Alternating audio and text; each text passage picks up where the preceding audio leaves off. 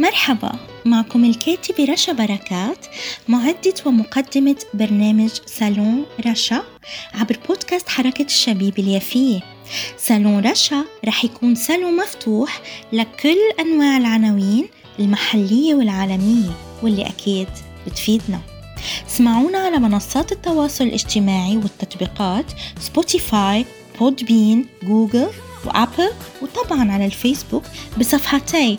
بودكاست حركة الشبيب اليافية وحركة الشبيب اليافية سالون رشا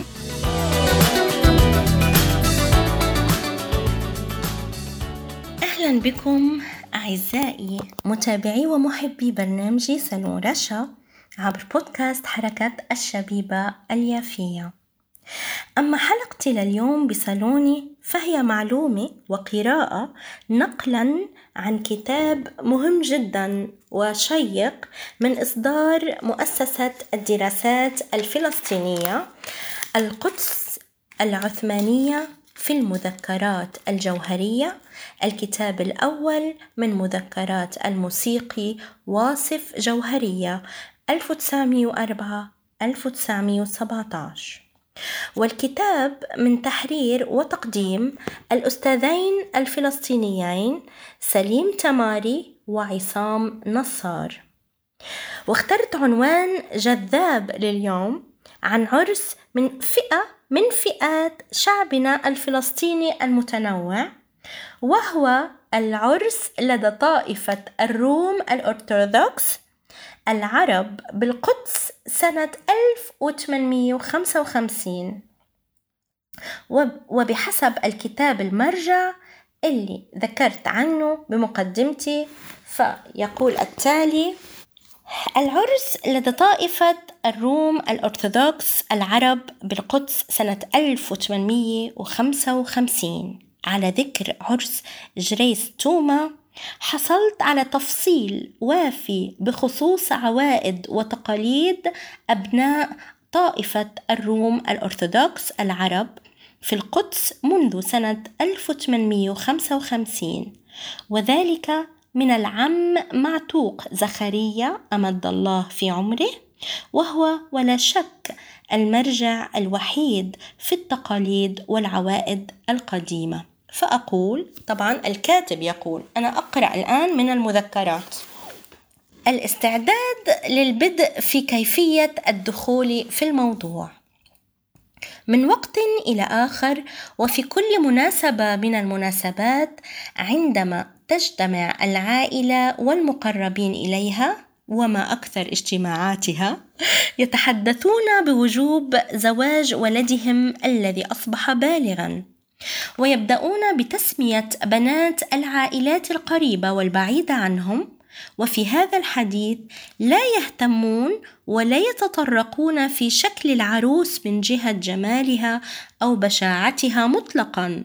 وإنما تنحصر أفكارهم وأبصارهم واهتمامهم بذكر والدة العروس التي يبحثون عنها. وكيف سبق وعاشت والدة العروس مع أهل زوجها من حيث الأخلاق والطاعة وبذلك يطبقون المثل اكفي الجرة عتمها تطلع البنت لأمها والجدير بالذكر في هذا الصدد أنه في أكثر الأحيان لا يكون لولدهم الموحى إليه وهو العريس لا يكون له علما بما هم عازمين عليه وربما وافقوا بالإجماع على العروس وابتدأوا بالمخابرة في الموضوع. والآغا ولم يفاتح بهذا الخصوص بعد.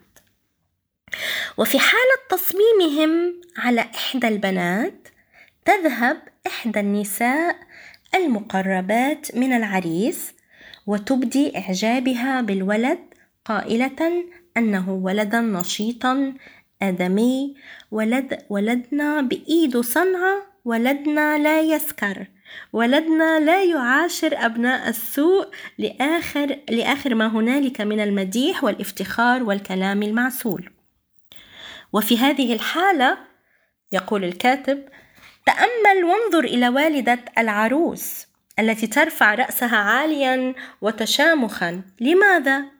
لأنها أصبحت ابنتها يشار إليها بالبنان وابتدأ الطلاب من الشبان يراجعون بيتها للزواج ويصيبها الغرور وتعتقد بأن ابنتها هي الابنة الوحيدة من بين عموم أقربائها المنتخبة للزواج وقد فضلت عن باقي بنات الطائفة في المدينة وأصبحت ابنتها قبلة الطلاب. وهكذا. عندما يزور الأم أحد المعارف أو الأصدقاء تشاورهم بالأمر وإذا صادف أن دخلت ابنتها المطلوبة يدها إلى البيت الموجودين فيه الضيوف فلا يجوز ولا يسمح لهذه البنت أن تسمع أو أن تلاحظ من أحاديثهم شيئا بتاتا. وبعد أخذ ورد وقيل وقال مدة لا تنقص عن الشهر الواحد. على هذه المذكرات والمخابرات يتم الحديث إما بالقبول أو بالرفض. وإذا كان الرفض فهناك الثورة ويصير الذم والقدح من كل من الطرفين إلى ما لا يحمد عقباه. وأما إذا تم وأسفرت النتيجة بالقبول فبعد مداولته بين النساء مبدئيا وإعلان القبول يذهب وفد من الرجال المقربين إلى العريس إلى بيت العروس فيجدون الرجال المقربين إلى العروس لملاقاتهم وهذا يكون باعتبار الاجتماع الأول وبعد الجلوس وقبل شرب القهوة يباشر الرجل الأكبر سنا من وفد العريس بالطلب إما من والد العروس أو الكبير من ولي أمرها. في ذلك الاجتماع قائلا طالبين التقرب منكم وطلب يد ابنتكم واسمها إلى يد ولدنا العريس واسمه. ومرارا يقولون طالبين قربكم مش طالبين بعدكم. فتجيب أهل العروس مقدمة جارية بمطبخكم.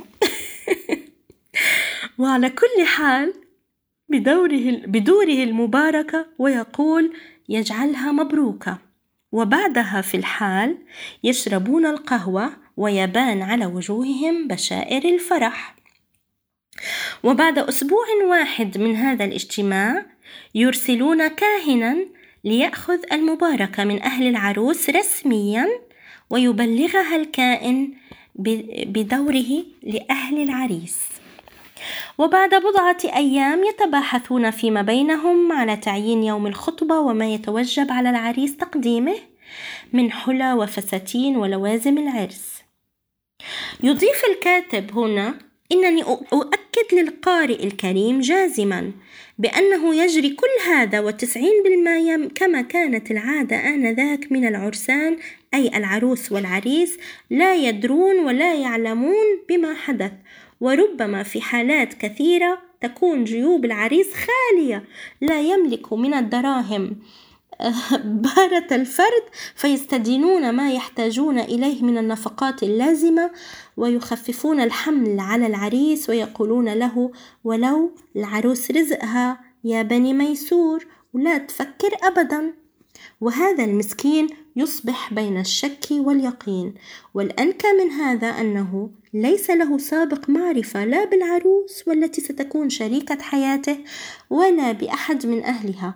ولكنه رغما عن كل هذا تراه معتزا بنفسه فيبني القصور الشامخة بالهواء ويعيش بالأمل. طبعا نحن عم نحكي هون عن سنة 1855 فالعادات اختلفت تماما يعني. آه إذا يكمل الكاتب في آه في الكتاب بعنوان القدس العثمانية في المذكرات الجوهرية.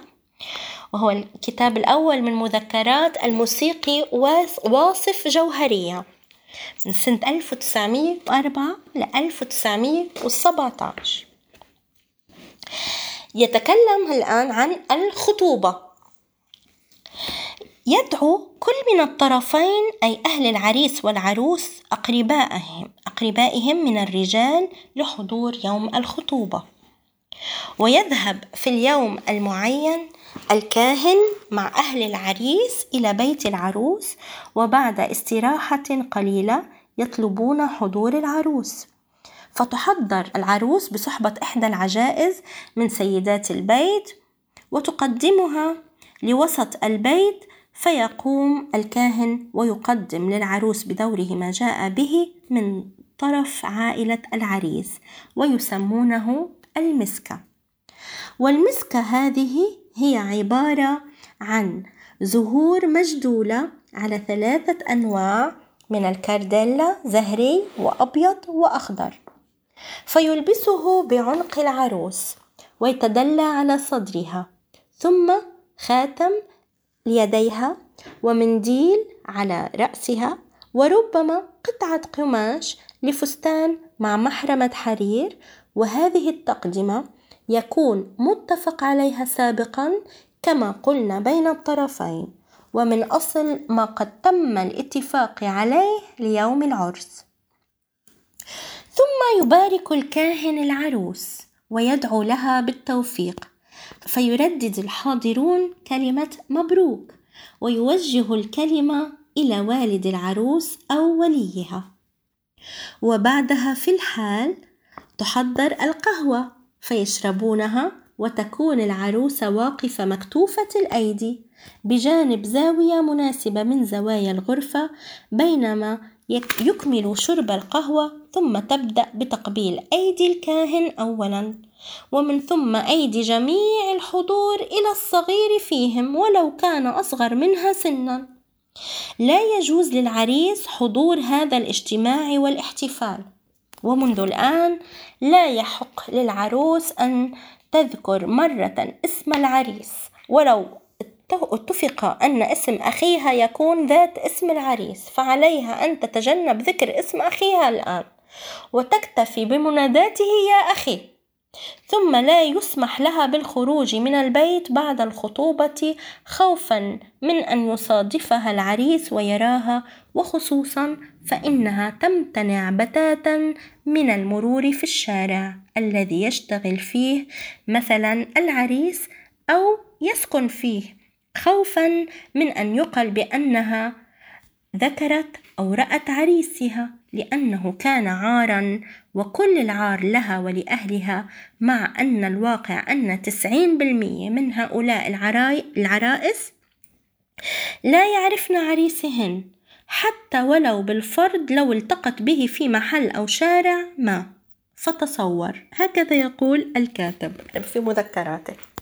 رحمة الله عليه. وكذلك الأمر عند العريس. فلو بالفرض سمع بأن خطيبته وعائلتها عازمين أن يمروا الشارع فإنه يتجنب أن يسلك ذلك من كلام وانتقاد رفقائه بأنه تعمد لرؤية خطيبته في هذه الطريقة الدنيئة. هكذا كانوا يقولون. مع أنه لا يعرف وجهها وليس له سابق بمعرفتها ولا يستطيع مشاهدتها أيضا وهي مبرقعة بالمنديل على وجهها كما كانت العادة بالأزياء في ذلك الزمن مثل المسلمين الحجاب وغيرهم. الآن آه، يكتب الكاتب آه، في مذكراته رحمة الله عليه عن الشوفة. فما هي الشوفة؟ لنتعرف ما هي الشوفة. يدعى عادة الأسبوع الثاني من الخطوبة بيوم الشوفة. وفيه يعني معنى يعني الشوفة هو الأسبوع الثاني من الخطوبة هو اليوم الشوفة اسمه الشوفة. وفيه يذهب العريس يوم الأحد قبل الظهر مع جماعة من رجاله المحيطين به لأول مرة إلى بيت العروس وعند دخوله حالا يقبل أيادي الرجال من الحضور من جماعة العروس. وهكذا يتعرفون عليه كل بمفرده. وبعد راحة قصيرة تقدم لهم الشرابات وبعض الشيء من الحلوى أو فاكهة الضيافة. وقبل شرب القهوة تبدأ رفقاء العريس بالتنكيت على العريس فيداعبونه ببعض الفكاهات. وأخيرا يطردونه من الغرفة لماذا؟ لأن عادة العروس المتبعة أن تحضر إلى هذا البيت وتقبل أيادي الحضور بعدما يشربون القهوة ولا يسمح له في هذه الحالة البقاء أمامها وعندما يترك العريس القاعة تودعه فقط والدة العروس خارج باب القاعة وتتعرف عليه لأول مرة وبعدما يقبل أيديها تقدم له هدية محرمة حرير وربما محارم أخرى لإخوانه لكي يكمل لهم الفرح. وفي هذه اللحظة تكون شبابيك البيوت وأسطحتها المجاورة لبيت العروس ملآنة من الناس والجيران يتفرجون على هذا المنظر المخجل. يعني يضيف الكاتب تصور أيها القارئ الكريم حالة العريس في هذا الموقف الشاذ يتمنى العريس فيه كما يقولون لو تنشق الأرض وتبتلعه من شدة الخجل والكسوف. فيسير ولا يعي على أي شيء في طريقه لأنه أولا مستاء من رفقائه الذين طردوه طردا. من البيت بحضور رجال أهل العروس الذين قبل أيديهم قبل لحظة. ثم مقابلته لأول مرة لأم العروس والتحدث إليها وتقبيل يديها وأخيرا منظر الجمهور المجتمع من الأسطحة والشرفات يتفرجون عليه ويبحلقون به وكأنه مجرم.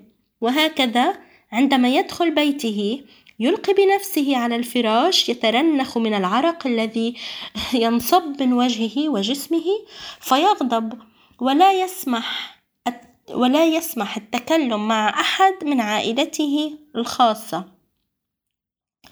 حتى والدته والعياذ بالله. لا يسمح التكلم مع أحد من عائلته الخاصة حتى والدته والعياذ بالله. وعند بعد ظهر ذلك اليوم. تجتمع نساء أهل العريس في بيته ويذهبن مع المدعوات من السيدات إلى بيت العروس نساء فقط فيستقبلونهن فيستقبلونهم بالبخور وماء الورد وكل ترحاب وبشاشة وجه ويتجاوبن فيما بينهم الزغاريد والتي تدل على معنى خاص. بعض هذه الزغاريد. وبعد تناول الشرابات وبعض أنواع الضيافة كل حسب مقدرته تقدم أم العريس لوالدة العروس ما تيسر من الحلى وفستان ومنديل للوجه. وكثيرا ما يصحبون معهن الجناكي فيقمن بواجب الفراح. وكانت الجناكي ما هي الجناكي؟ جناكي عادة هي عادة تضرب على الدربكة. وخصوصا النقارة التي انقرضت في يومنا هذا. وبعد شرب القهوة عند الغروب يرجع كل من الحضور إلى بيته. وبهذا أكون أكملت يعني فقرتي لل, لل يعني ال... التي أردت أن أقولها لليوم أو أرسلها. عن العرس لدى طائفة الروم الأرثوذكس العرب بالقدس. طبعا سنة 1855 أنا أشدد على هذه السنة لأن هذه مذكرات قديمة يعني ل آه الموسيقي واصف جوهرية. وأسلم طبعا على أهلنا الفلسطينيين من طائفة الروم الأرثوذكس. وكل أهلنا الفلسطينيين كذلك. وهذه يعني هذا هذه نبذة تاريخية عن أصل من أصول العادات في الخطوبة والعرس إلى آخره. فشيء جميل يعني أن نعلم عنها. طبعا حياتنا اختلفت تماما ويعني كمان المفروض يعني دايما العرسان يعني يتعرفوا منيح على بعض قبل الزواج وغيره. آه، ولكن حلوة هاي النبذة من عادات القديمة لأهل طائفة الروم الأرثوذكس. العرب في القدس سنة 1855 آه، أسلم على كل أهالينا في القدس وفي كل فلسطين. المحتلة طبعا ويعني اللي كمان ضمن آه، الخط الأخضر وخارج الخط الأخضر. أسلم على كل أهالينا الكرام الفلسطينيين آه، بكل مدن وقرى وصحراء فلسطين وطبعا بعاصمتها القدس. كل القدس ولا شرقية ولا غربية كل القدس لنا. أسلم على كل أهالينا وأقول لكم ألقاكم بحلقة جديدة إن شاء الله. وعنوان جديد بصالوني صالون رشا. طبعا تقدروا تتابعونا عبر منصات التواصل الاجتماعي والتطبيقات مثل Spotify Podbean Google Apple و Facebook وعبر صفحتي حركة الشبيبة اليافية وبودكاست حركة الشبيبة اليافية. سنو رشا.